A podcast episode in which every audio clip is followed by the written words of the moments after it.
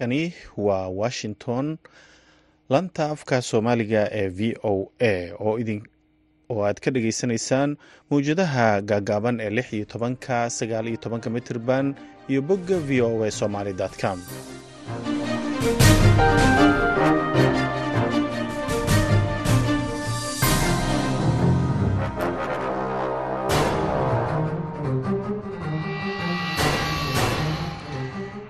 galab wanaagsan dhegaystayaal. Waa sabti labada bisha maarj sanadka ka idaacadda galabta iyo wararka v o a. Waxaa idinla socodsiinaya anigoo ah cabdulqaadir maxamed samakaab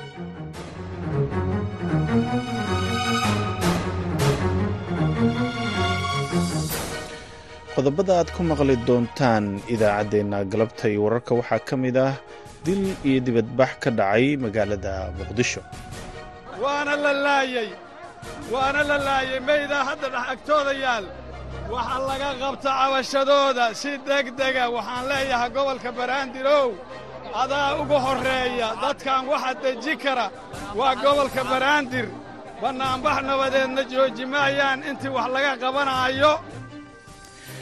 Waxaad sidoo kale maqli doontaan dagaal dhimasho iyo dhaawac sababay oo saakay ka dhacay deegaanada ku dhowdhow degmada jamaame ee gobolka jubbada hoose. Barnaamijyadii hambalyada iyo heesaha dhacdooyinka toddobaadka iyo qodobo kale ayaan idin haynaa balse intaasoo dhan waxaa ka horreeya warkii dunida.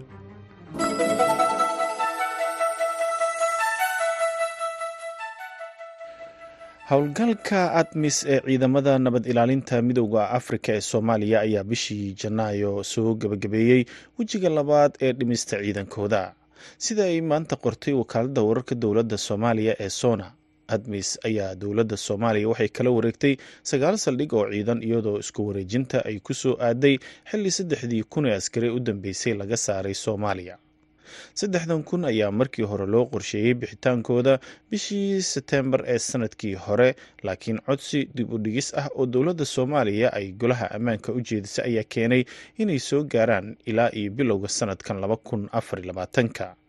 Ciidanka dowladda soomaaliya ayaa horey ula wareegay saldhig military oo ay oo horey ula wareegay saddex iyo toban saldhig oo ay fadhiyeen. Ilaa shan kun oo askari oo ciidamada admis ka tirsanaa taasoo qayb ka ahayd wejiga koowaad ee geedi socodka dhimista ciidamada midowda afrika ee soomaaliya sida ay qortay wakaaladda wararka ee sona agaasimaha arrimaha siyaasadda iyo amniga gudaha ee midowda afrika alxaaji sergio ba ayaa sheegay in wejiga labaad ee ciidamo dhimista uu muujinayo sida ay soomaaliya isugu diyaarinayso xakamaynta mas'uuliyadda amniga dalka oo dhan marka la gaaro dhammaadka sanadkan xilligaas oo ciidamada midowda afrika ay si buuxda dalka uga bixi doonaan howlgalka admis oo muddo toddobiyo toban sana ka shaqaynayay soomaaliya ayaa waxaa ku jira ciidamo ka kala socda dalalka ay ka midka yihiin jabuuti uganda kenya iyo ethoobiya kuwaas iyo burundi kuwaas oo markaasi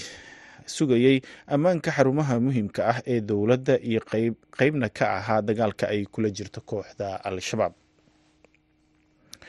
koox ka tirsan qaramada midoobey ayaa sheegay inay arkeen tiro badan oo dhaawacyo rasaas uu soo gaaray oo dadka reer khaza ah kadib markii ciidamada israa'il ay rasaas ku fureen meel u dhow kolonyo gargaar oo dadka ay ku xoomeen sida ay qortay wakaaladda wararka e f p saraakiisha gargaarka ee qaramada midoobey oo booqday qaar ka mid ah dadka ku dhaawacmay shilka gargaarka ee isbitaalka al-shifa ku jiray ee magaalada khaza ayaa sheegay in dhacdadaasi ay muujisay xaalad ku dhow macluul kadib ku dhowaad shan bilood oo dagaalka uu socdo. Wasaaradda caafimaadka ee dhulka ay maamusho xamaas ayaa sheegtay in dad ka badan boqol ruux rasaasta lagu dilay afhayeenka ciidamada qalabka sida ee israa'iil daniel hagari ayaa sheegay in ciidamada ay fureen rasaas digniin ah si ay isugu dayaan inay kala eriyaan kooxihii ku xoomay baabuurta gargaarka.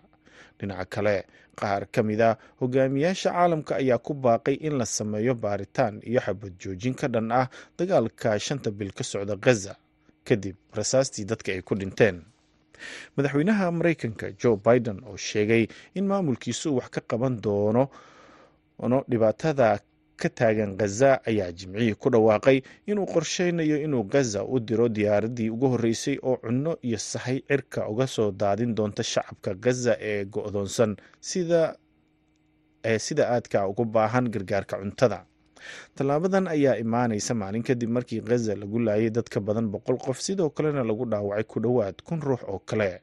Biden wuxuu sheegay in diyaaradaha maraykanka ay maalmaha soo socda hawada cunto uga daadin doonaan khaza hase yeeshee muusan bixinin faahfaahin dheeri ah.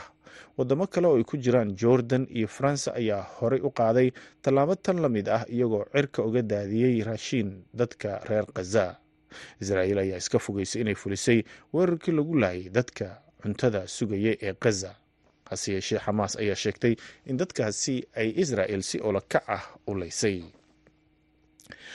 ugu dambeyntiina iiraan ayaa sabtida maanta ah bilowday tirinta codadka doorashada golaha baarlamaanka iyo tan hay'adda muhiimka ah ee golaha khubrada ee maamulka kacanka islaamiga ah iyadoo warbaahinta gudaha ay qiyaaseen tirada dadka u soo baxay doorashada sanadkan in ay aada u yar tahay marka la barbardhigo xiliyadii hore waxaa la filayaa in doorashadan ay ku guuleystaan muxaafidka talada iiraan haya.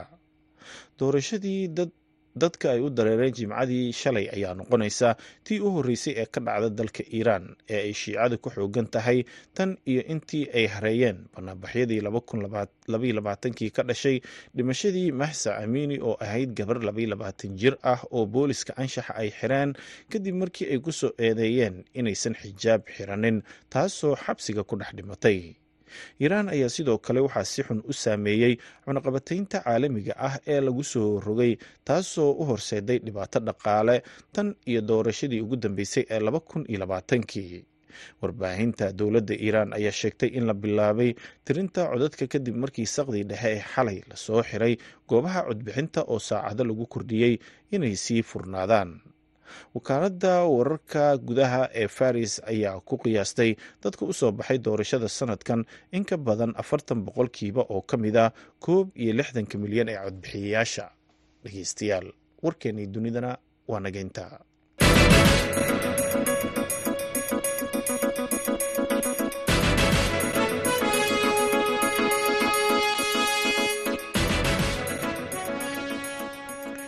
halka aad warkaasi ka dhageysanayseen waa idaacadda v o a oo idinkaga imaaneysa washington. Aan ku bilownay qof shacab ah ayaa lagu dilay isgoyska siinaai ee degmada warta nabadda ee magaalada muqdisho kadib rasaas ay fureen ciidamada amniga ee dowladda iyadoo dhinaca kalena ay dad caraysan banaanbax ka dhigeen isgoyska siinaai kuwaasoo diidanaa xilka qaadis lagu sameeyey guddoomiye waaxeed cabdulqaadir maxamed cabdulle ayaa warkan nooga soo diray magaalada muqdisho.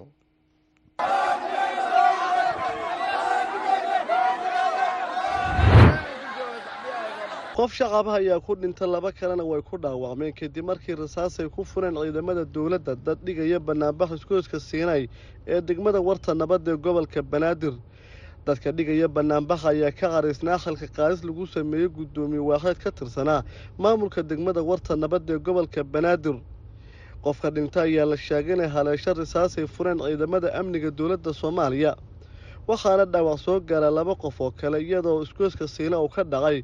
Banaanbax markii dambe rabshada isku bedela dadku inay gubayeen taayaro ciidamada amniga dowladda soomaaliya ayaa u xaqiijiyey v o eda in askari ka tirsan kuwa booliska loo soo qaray dilka loo geysto qofka shacabka ee ka dhaca isgooska siinaay sidoo kale ila ka tirsan kuwa amniga dowladda soomaaliya ayaa u sheegay v o a in la soo xiray askar saarneed gaari kuwa ciidankoo maraya isgooska siinaay xilliga rabshaduhu ay socdeen kaasi oo rasaas furay qaar ka mid a dadka ka dhigaya banaanbaxa isgooska siinay ee degmada warta nabadda ayaa sheegay in banaanbaxoodu ahaa mid nabadeed balse markii dambe isku bedelo rabshado kadib markii rasaasay ku fureen ciidamada dowladda soomaaliya.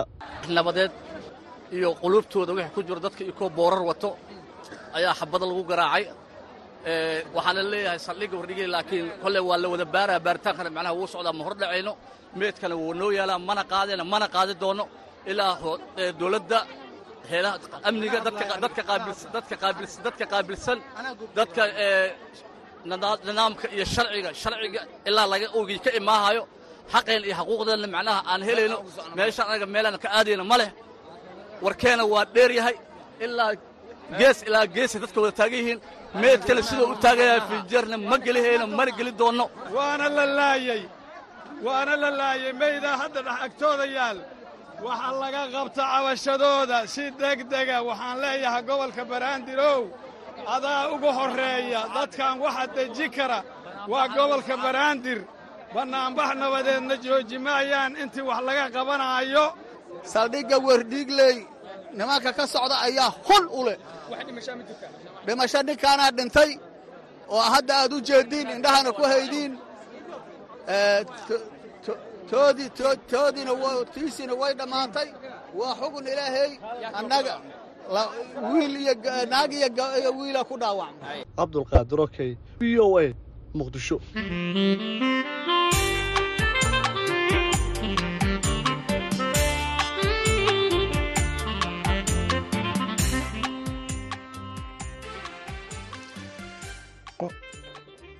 dagaal khasaaro dhimasho iyo dhaawac sababay ayaa saakay aroortii wuxuu ka dhacay ama uu ka bilowday deegaanada ku dhow dhow degmada jamaame ee gobolka jubbada hoose kadib markii ciidamada jubbaland iyo kuwa xoogga dalka ee danab oo iskaashanaya ay weerar ku qaadeen deegaanka baar sanguuni oo markii hore ciidamada ay uga soo baxeen fatahaadii ku dhufatay gobolka.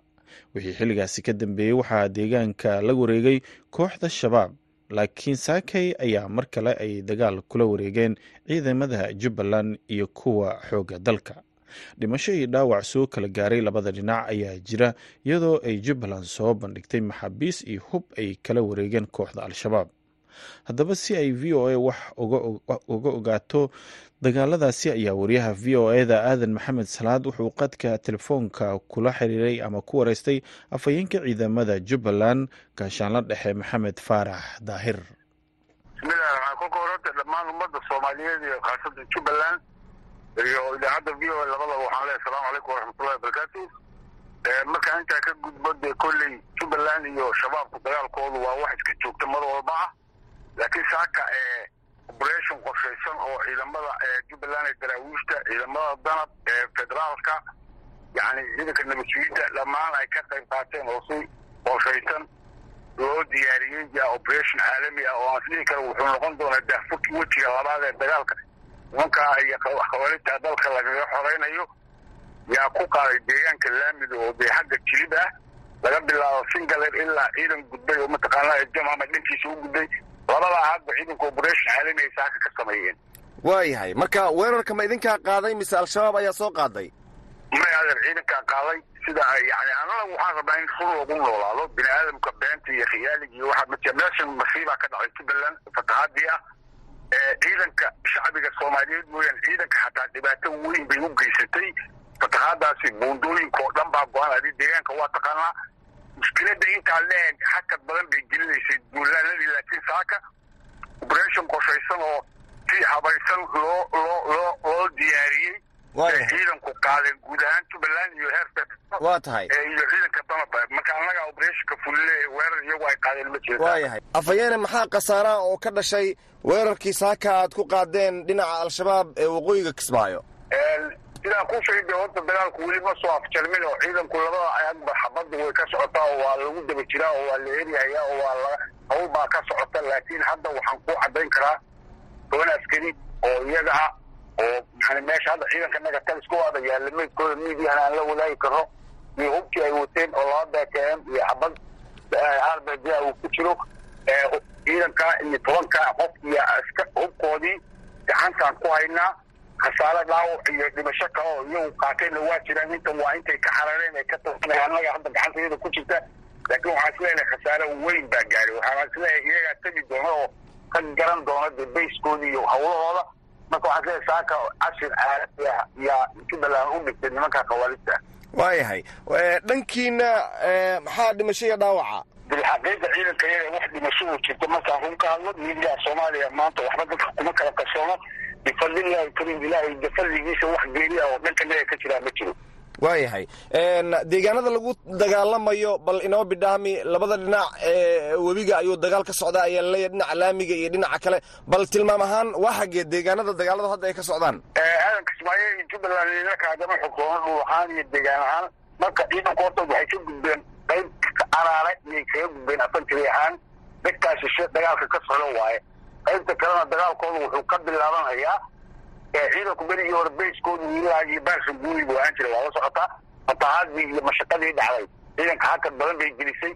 Habadda marka saaka waxay ka bilaabanaysay ilaa iyo mataqaanaa singalay eriyada ilaa baarsa guuli waa la dhaafay. Ciidanka iyaga janaac cabdalle ee ka gudbay mataqaanaa jamale iyo kuwan laamidii hadda way isu furan yihiin oo way wada joogaan. Marka obreshinku saasuu u midaysnaa gartay. Meesha lagu dagaalamayo dabcan dad shacaba ayaa degan maxaa khasaaro ka soo gaaray oo aad intaad ogtihiin ma ma filahayo welina ma lahayo wax khasaara. Maxaa waxay de laba qori oo sol fadhiyon bay ahaayeen. Tuulaha oo hadda lagu diriray ma jirto? Dhulka inta badan lagu dirirayo waa kaymo iyo waxay ku jiraan iyo geeda ay saaraayeen iyo waxaas iska ahayd. Marka ilaa hadda wax khasaaro shacabiga ah oo jira oo anu aan ogahay ama laii cadeeyey ma jirto waayahay ugu dambayntii howlgalkan qorshihiisa ama ujeedka aad ka lahedeen muxuu ahaa? Hadeer de horta waxaa waaye shabaab iyo jubbaland dagaalkoodu laba iyo toban sano u jirsaday si joogta ah oo maalinla ah. Laakiin de waxaan is leeyahay intii fatahaadu ay dhacday hakad baa ku yimid. Oo mashaqadaa fatahaadu ay keentay dagaalku yani xoog kuma soconin marka laga hadlaayo dhankan oo gosha la yidhaahdo ee waqooyiga koonfur ee waqooyiga waqooyiga bariga kismaayo ah.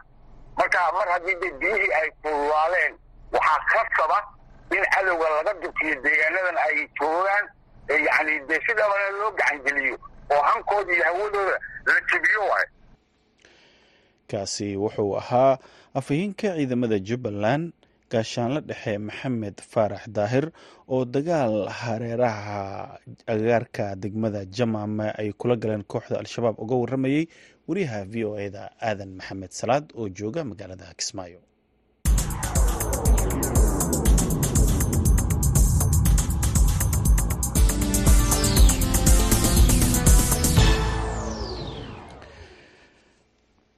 weli waxaad nagala socotaan idaacadda v o a oo idinkaga imaaneysa washington. Dowladda soomaaliya ayaa dagaal ugu jirta inay ku guulaysato jegada guddoomiyaha ururka midooda afrika oo hadda uu ku fadhiyo muuse faki. Soomaaliya oo la sheegayo inay ka mid tahay musharaxiinta ugu cadcad ee kursigan ayaa waxa ay u soo xulatay wasiirkii hore ee arrimaha dibadda soomaaliya xildhibaanad fawsiyo yuusuf xaaji aadan waxaa la tartamaya rayla odinga oo kenya ay u wadato inuu kursigaasi ku matalo maadaama jegada sanadkan la sheegay inay leeyihiin dalalka bariga afrika. Haddaba kursigan muxuu uga dhigan yahay soomaaliya halkeese ayuu marayaa loolanka ay muqdisho ku doonayso inay ku hanato hogaaminta midooda afrika. Su'aalahaasi iyo kuwo kale ayaan weydiiyey xildhibaanad fawsiyo yuusuf xaaji aadan oo ah qofka ay soomaaliya u soo xulatay in uu u tartamo xilka hogaaminta ururka midooda afrika. Samakaab aad baad u mahadsan tahay adiga iyo tiimka v o eba kursigani waa kursi aad iyo aad qiimo weyn u leh culays badan u leh. Sidaad ka arkaysaan loo wada tartamayo dowladihii madaxweyneyaashii wareegayaan si ay kursigaa cod ugu helaan innaga faa'iidada ugu weyn uu soomaaliya u leeyahay waxa weeye soomaaliya horta asaasayaashii bay ka mid ahayd african union. Tii hore african organization of african union magacaa sagaashan iyo sagaalkii baa la bedelay. Waa kursi muhiim weyn geeska afrikana uleh africa oo dhanna u leh. Shan iyo konton dowladood baa halkaa isugu yimaada danahooday kaga hadlaan adduunka siay u waajahayaan bay kaga hadlaan. Caalamka kalena xiise badan badan badan u qaba waa kursi ka qiimo badan wax walba. Aniga waxaan u arkay doorashadii ka horreysay tanna waa rabay. Muuse fakey markuu galayo doorashadii horena waa rabay laakiin jaanisku ima siinin. Iminkana muddo waxaan sugayo inta doorashada la soo gaarayo waa kursi aan is leeyahay haddii halkaa aan ku fadhiisto. Faan waxay u tahay waxtar weyna u tahay soomaaliya iyo dadka ummadda soomaaliyeed.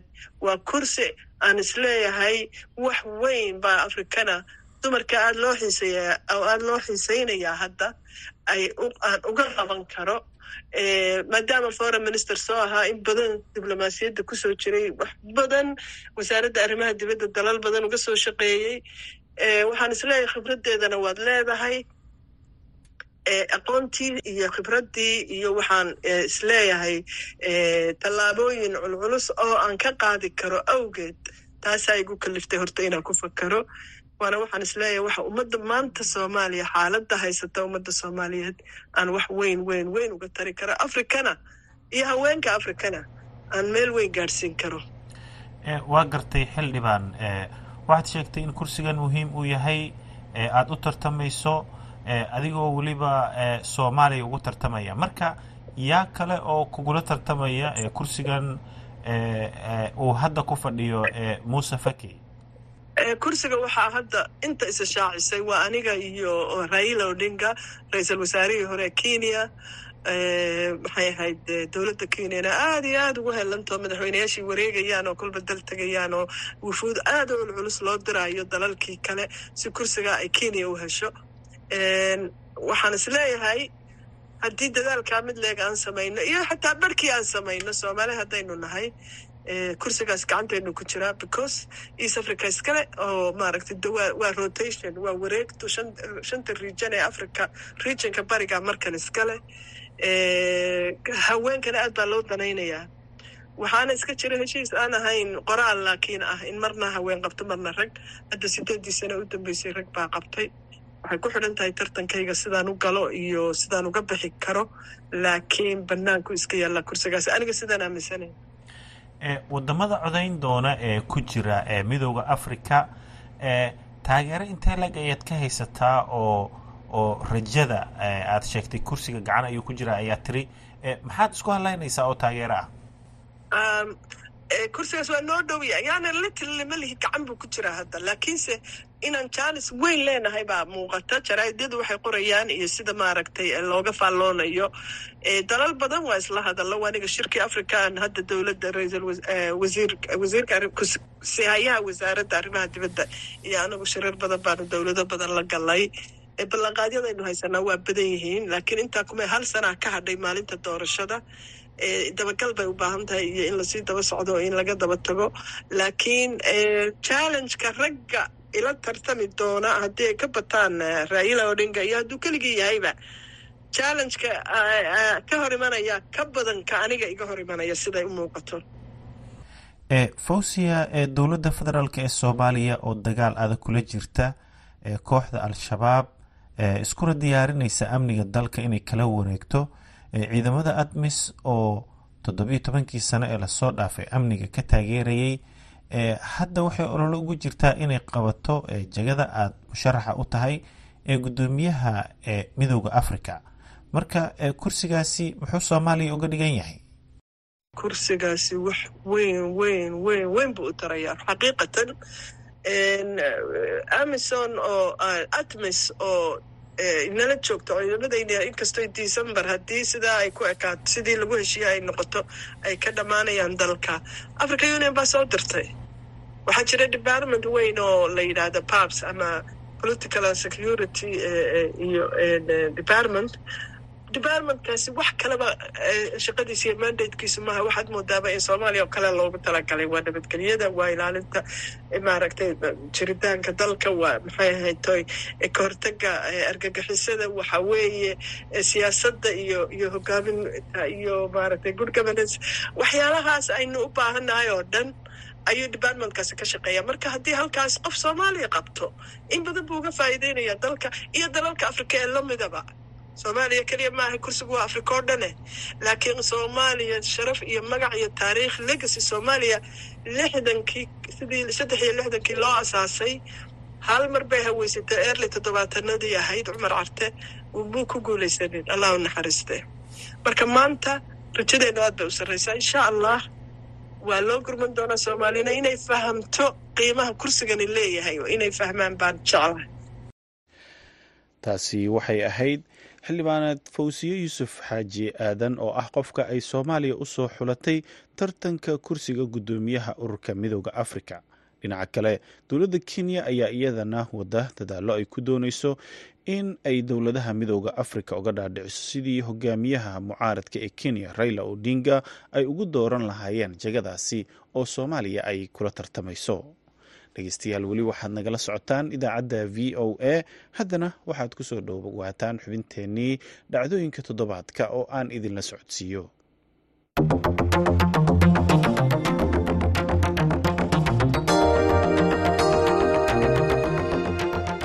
Bilownay ra'iisul wasaaraha soomaaliya xamse cabdibare ayaa toddobaadkan sheegay in dagaalka ay kula jiraan kooxda al-shabaab uu yahay mid ay nabad ku raadinayaan wuxuuna ugu baaqay maleeshiyada iyo horjoogayaasha kooxda inay waddada nabadda qaataan oo ay ka laabtaan fikirka dhiigdaadinta.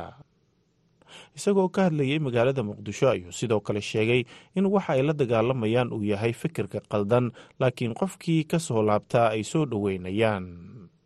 Dagaalka aan kula jirno khawaarijta asalkiisu waxaa waaye waa nabad raadis annagu nabad doonnaan nahay. Dagaalkaas nabad baan ku raadinaynaa haddii aan ku helayno nabad oo dadkanaga dilka laga daynayo oo ay dadkaasi ay dariiqa saxdaa ku soo toosayaan nabad. Waxaan diyaar u nahay nabad. Hadaf marna nooma aha. Qof la dilo hadaf nooma aha.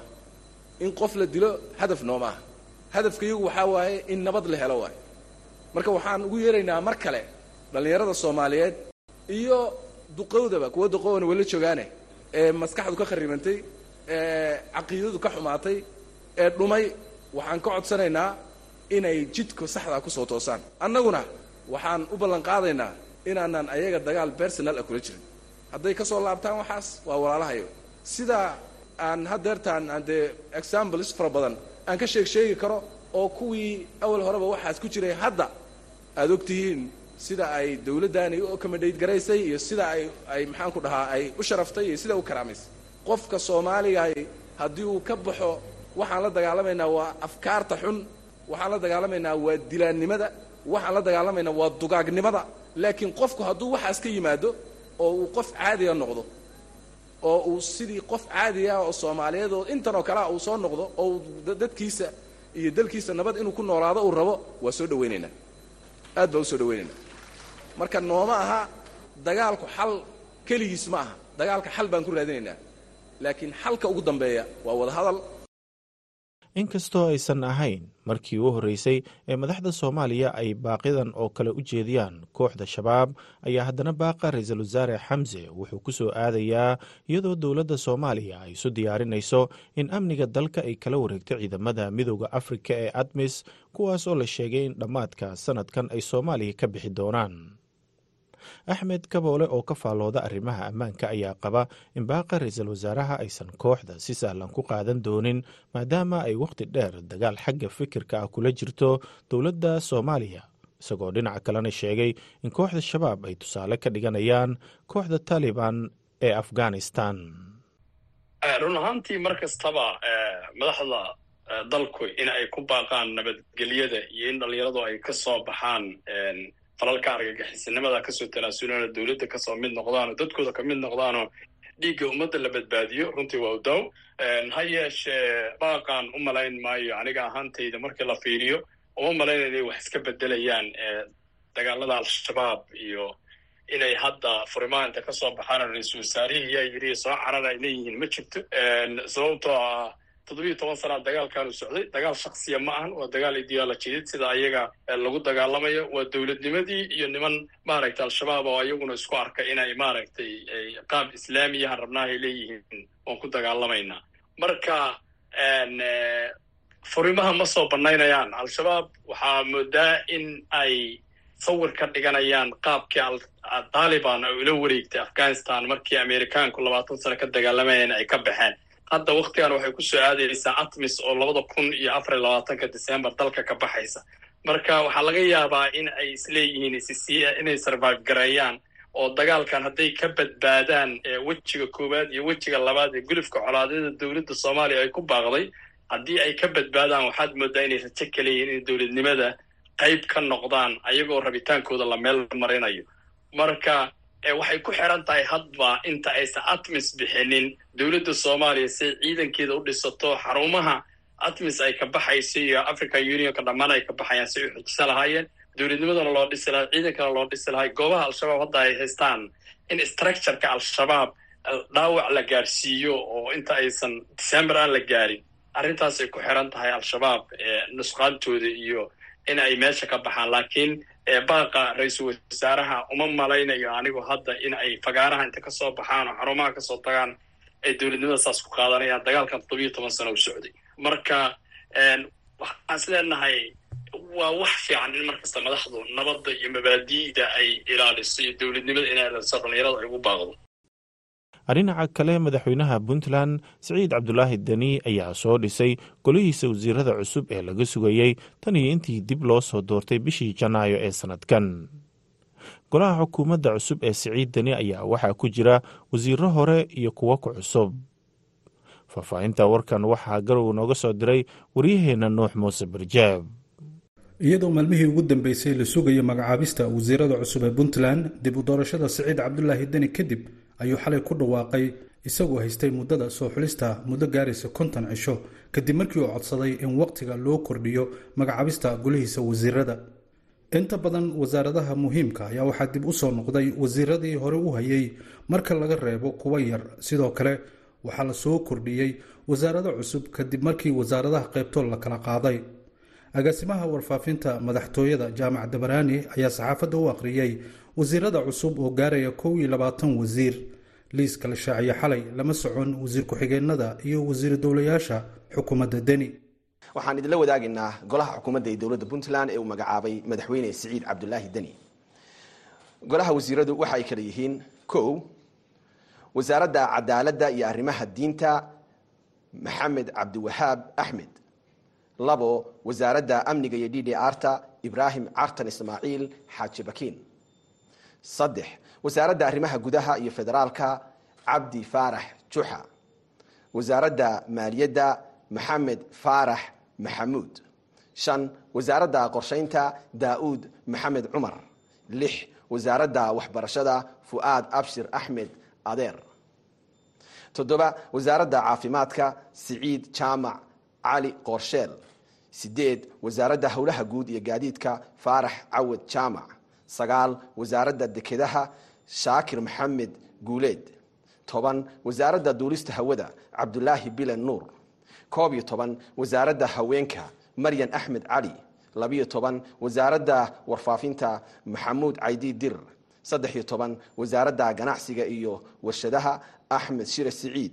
Afar iyo toban wasaaradda xanaanada xoolaha cumar cabdi samed yuusuf dhuux shan iyo toban wasaaradda deegaanka iyo isbeddelka cimilada maxamed cabdiraxmaan maxamed faroole lix iyo toban wasaaradda kalluumaysiga cabdirasaaq cabdulaahi xagaa toddobiyo toban wasaaradda shaqada iyo arrimaha bulshada cabdiraxmaan axmed cabdulle.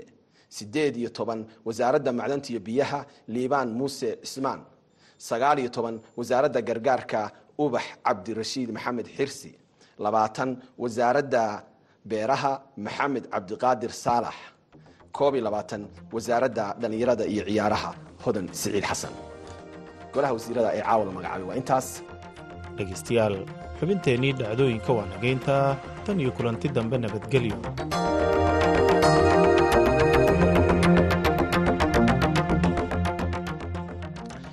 intaasaan ku dhaafno xubintaasi dhacdooyinka haddana waxaad ku soo dhowaataan barnaamijkii hambalyada iyo heesaha nuur bukhaari iyo ibraahim daanduray ayaa noo haya.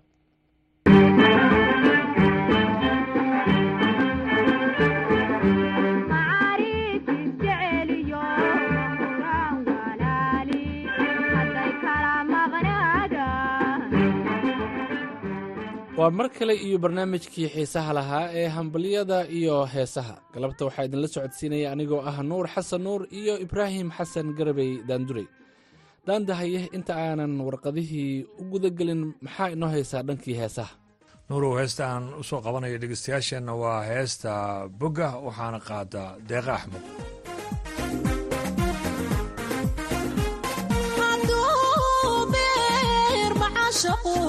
Weligii ma bahaaboo ila baata mooye. Ma bogsooda qofu helay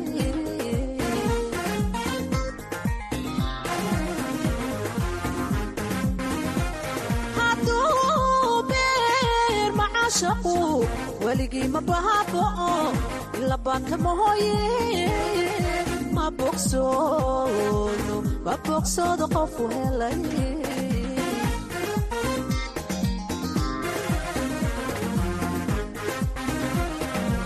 bildhaan baad ka garataa baahidu u gaysto baylahbuu u yeera bogiyo xanuun jira bogiyo xanuun jira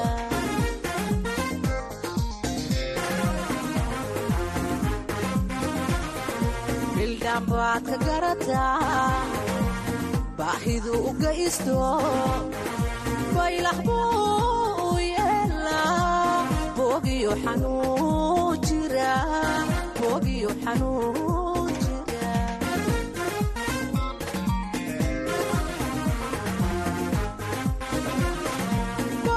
boga iyo calooshiyo. Beerkayga adiga barahoy ku yeesho. Barkinku dhiga garo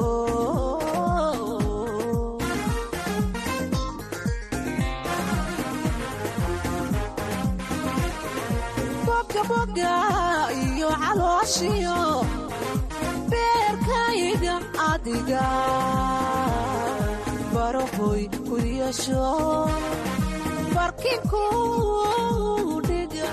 garo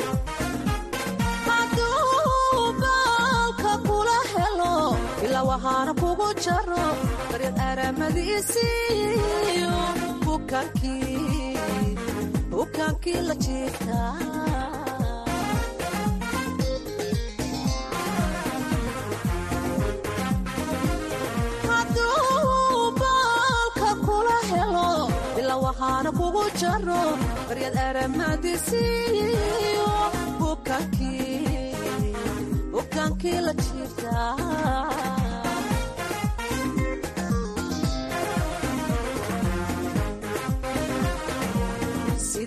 bariisaday hurdaadii ka ba'do kalgacayl buruudla ana balaga ilulay ana balaga ilulay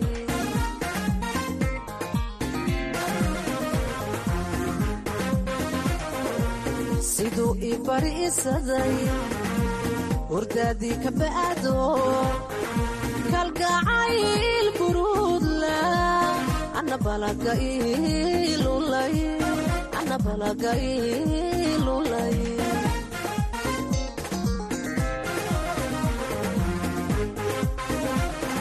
boga boga iyo calooshiyo beerkayga adiga. Barahoy u yeesho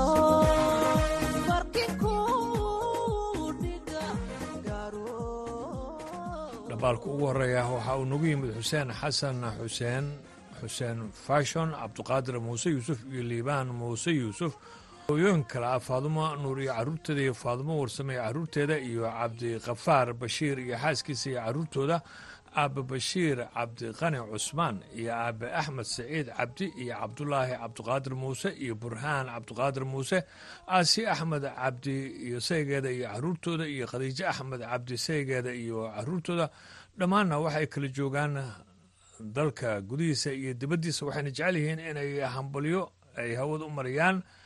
Aabe cabdiqani bashiir iyo hooyo maryan axmed cabdi oo ay gabar u dhalatay bay yidhahdeen waxaan leenahay gabadhaas allah ka dhig tii soo weynaato oo waalidkeed dadkeeda iyo dalkeedaba wax tarta daanduray dhambaalka dhankayga ugu horreeya waxa uu naga soo gaaray dadka kale ah aamine ibraahim iyo xasan jimcaale aasiye faarax shacbaan weyle ibraahim aadan cabdulqaadir ibraahim iyo cali ibraahim iimaan ibraahim nasre ibraahim xasan ibraahim xaawo ibraahim luuley ibraahim caashe ibraahim qasiide ibraahim iyo awees ibraahim daahir ibraahim maxamed ibraahim aadan nuune iyo dhammaan reer shacbaan salaad oo kale ah ismaaciil shacbaan shariifo shacbaan faadumo shacbaan shamso shacbaan faarax shacbaan iyo shiro shacbaan cabdiwahaab faarax shacbaan faa'iso faarax shacbaan shukri faarax shacbaan dhammaan qoyska reer ibraahim aadan iyo qoyska reer faarax shacbaan waxay hambalyo u dirayaan maxamed amiin faarax shacbaan iyo nasteexo shiro shacbaan oo arooskooda uu ka dhacay degmada afgooye ee gobolka shabeellaha hoose. Waxaan leenahay isku waara ubad khayr qaban allaha idinkala siiyo. Aamiin markaana aan dib ugu laabanno kaalimihii heesaha waxaan idin haynaa heesta nagaadi codadka hibanuura iyo cabdinaasir macalim saciid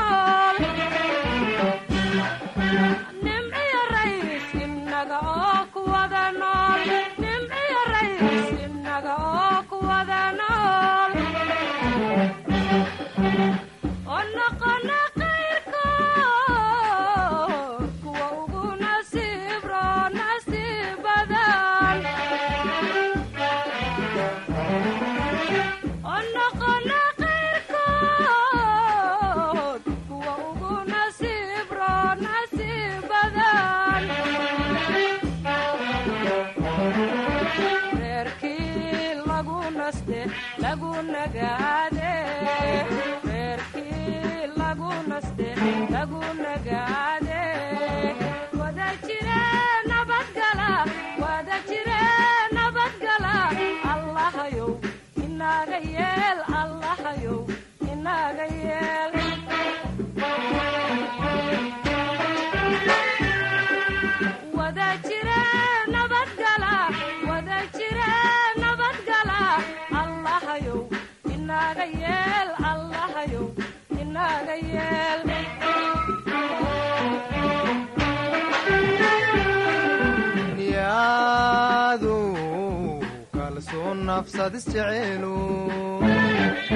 niyaadu kalsoon nafsad isjeceelu cawaynur inaga kuwada nool cawaynur inaga kuwada nool cawaynur inaga kuwada nool cawaynur inaga kuwada nool nafadhaladayaaliyo ilcaana iyo wiil nafadhaladayaaliyo ilcaana iyo wiilna iyo wiil eerkii lagu naste lagu nagaadi eerkii lagu naste lagu nagaadi wadaa jire nabadgala wadaa jire nabadgala allahayo inaaga yeel allahayo inaaga yeel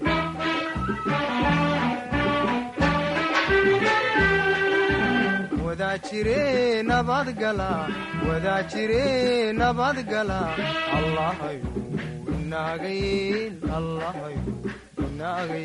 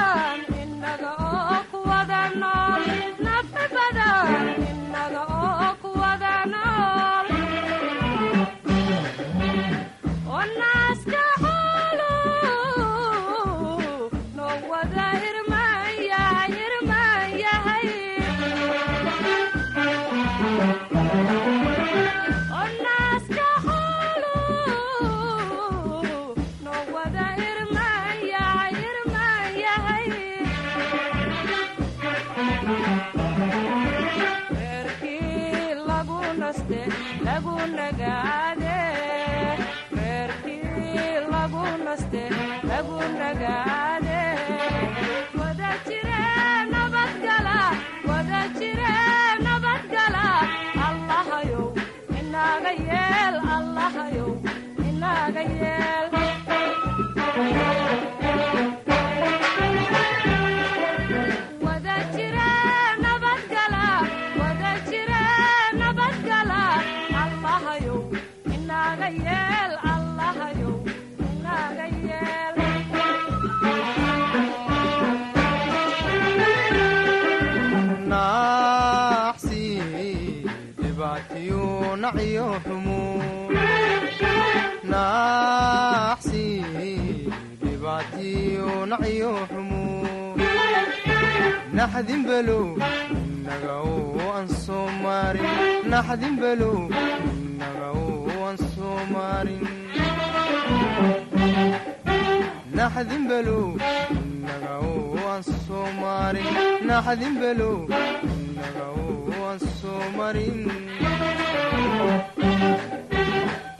noqona qayrko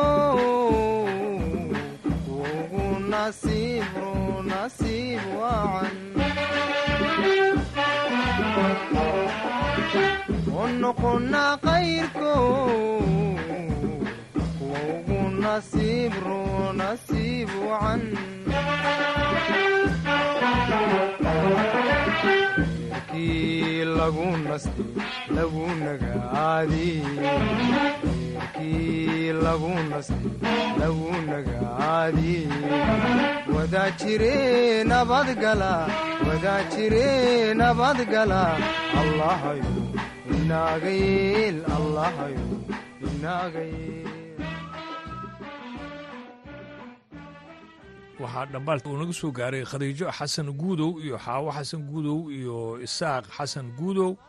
yuusuf xasan guudow iyo maxamed xasan guudow isaaq kerow iyo maxamed kerow iyo naciimo kerow liibaan aadan xasan iyo ibraahim jaceylow iyo aadan cali salaad iyo nimco cali salaad iyo ibraahim shaahiyow injineer borow iyo cabdicasiis maxamuud cabaas waxaana ay dhammaantood jecel yihiin in ay tahaniyad hawada ay u marayaan mako kerow iyo bare xasan guudow oo gabri ay ugu dhalatay dalka kenya gabadhaas uu loo bixiyey asma waxaan leenahay asma soo weynow. Heestaa saddexaada waxaa qaadaya cabdicasiis skalaji inkastoon dada kaa cugtoon kaa calmadayunka inkastoon qalbiga ku culoon kaa dalbada dheeys wancadkayga ku haystay iyo cududa ruuxdayda. Isha quraadan eray i tareen jiidan kala daaye inkastoon dada kaa cugtoon kaa calmadayunka inkastoon qalbiga ku culoon kaa dalbada dherse wancadkayga ku haystay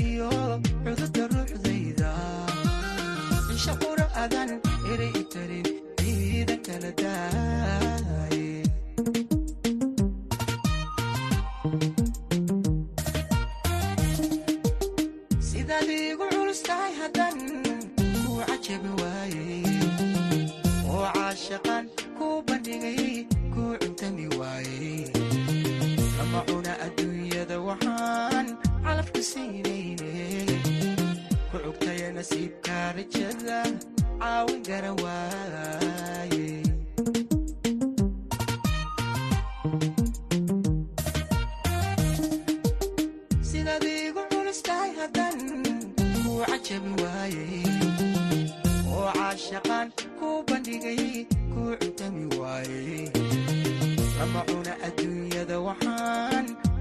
calafka siinayne ku cugtaya nasiibka rajada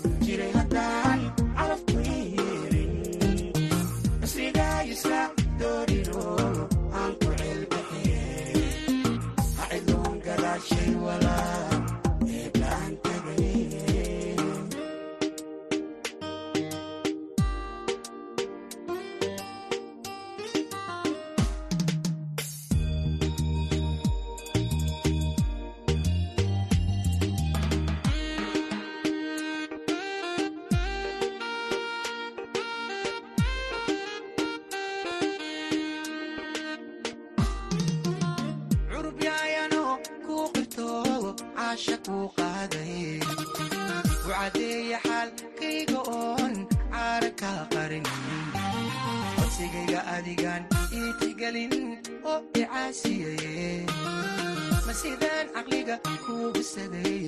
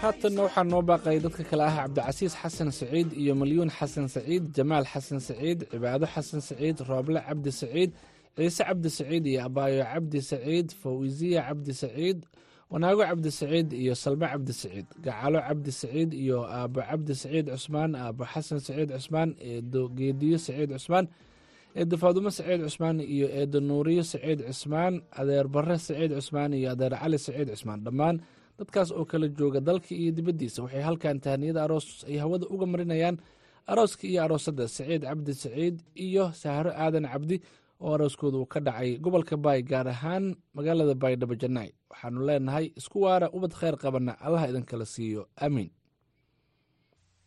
dhambaalkan wuxuu noogu yimid nuur sheekh xasan carte iyo aabe sheekh cabdi sheekh cali iyo hooyo xabiibo xaaji xasan maadey adeer cabdulaahi sheekh cali iyo adeer siciid sheekh cali iyo maxamed sheekh cabdi iyo nuur sheekh cabdi iyo cabdirasaaq sheekh cabdi deerow sheekh cabdi guuleed sheekh cabdi cabdifataax sheekh cabdi nuuro sheekh cabdi jamiilo sheekh cabdi firdowse sheekh cabdi nasro sheekh cabdi aamine sheekh cabdi eedo shariifo sheekh cali iyo eedo faadumo sheekh cali iyo waxay yidhahdeen eedo suuban sheekh cali iyo habaryar abaay xaaji xasan maadey iyo caruurteeda dadkaasi waxay kala joogaan beledweyne baydhabo sacuudi arabiya ethoobiya waxaanay jecel yihiin inay taaniyad gaarsiiyaan axmed sheekh cabdi iyo maryama macalin ibraahim kuusane oo ku aqalgalay magaalada muqdisho. Waxayna leeyihiin arooskiina aamiin dhankii heesaha haddii aan dib ugu laabanno waxaan idiin haynaa heestani ay ku luuqaynayso fanaanadda maxmed intaad adigu noosheed ifkanabaad ku joogto intaad adigu noosheed ifkanabaad ku joogto anad idhaanaxaynin anad idhaanaxaynin nacasnimoy raacdeen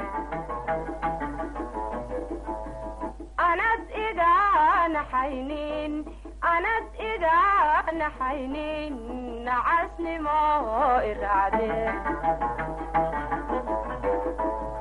nafsii kuguma dirayo nabcashiya weeye nasiihawsha goorun nasiihawsha goorun nasiihawsha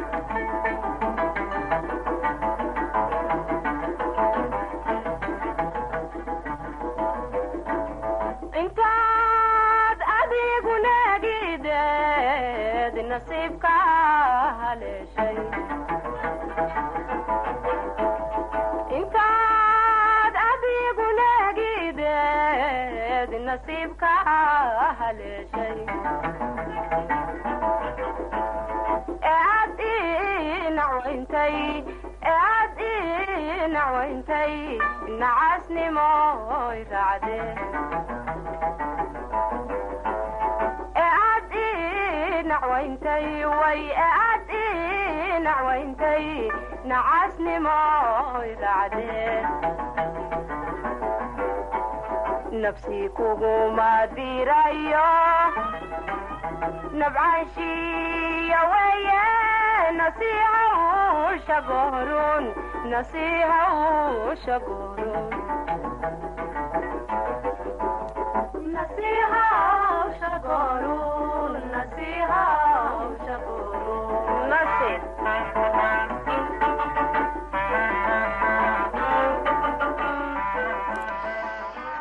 aaday u mahadsan yihiin nuur bukhaari iyo daanduray oo nala socodsiinayey barnaamijkii hambalyada iyo heesaha oo idinkagana imaanayay idaacadda v o a. Gabagabadii idaacaddeenna ayaan joognaa kulamo ka tirsan koobka ama horyaalada kooxaha qaaradda yurub ayaa maanta la ciyaaraya iyadoo qaar ka mida kulamadaasi ay haddaba socdaan. Kulamada maanta dhacaya waxaa ka mid ah haddii aan fiirino horyaalka ingiriiska brunford iyo chelsea ayaa isku aadan everton iyo westham ayaa is arkaya fulham iyo brighton ayaa is arkaya newcastle united iyo wolfis ayaa is arki doona halka liverpool ay u tegeyso nottingham forest. Tottenham oo kaalmaha afraad u tartameysana crystal bals ay la ciyaari doontaa iyo aston villa oo sidoo kale iyadana afraad u tartameysa oo la ciyaari doonta luton town. Sbain sevilla iyo real sociedad ayaa hadda socota waana laba iyo hal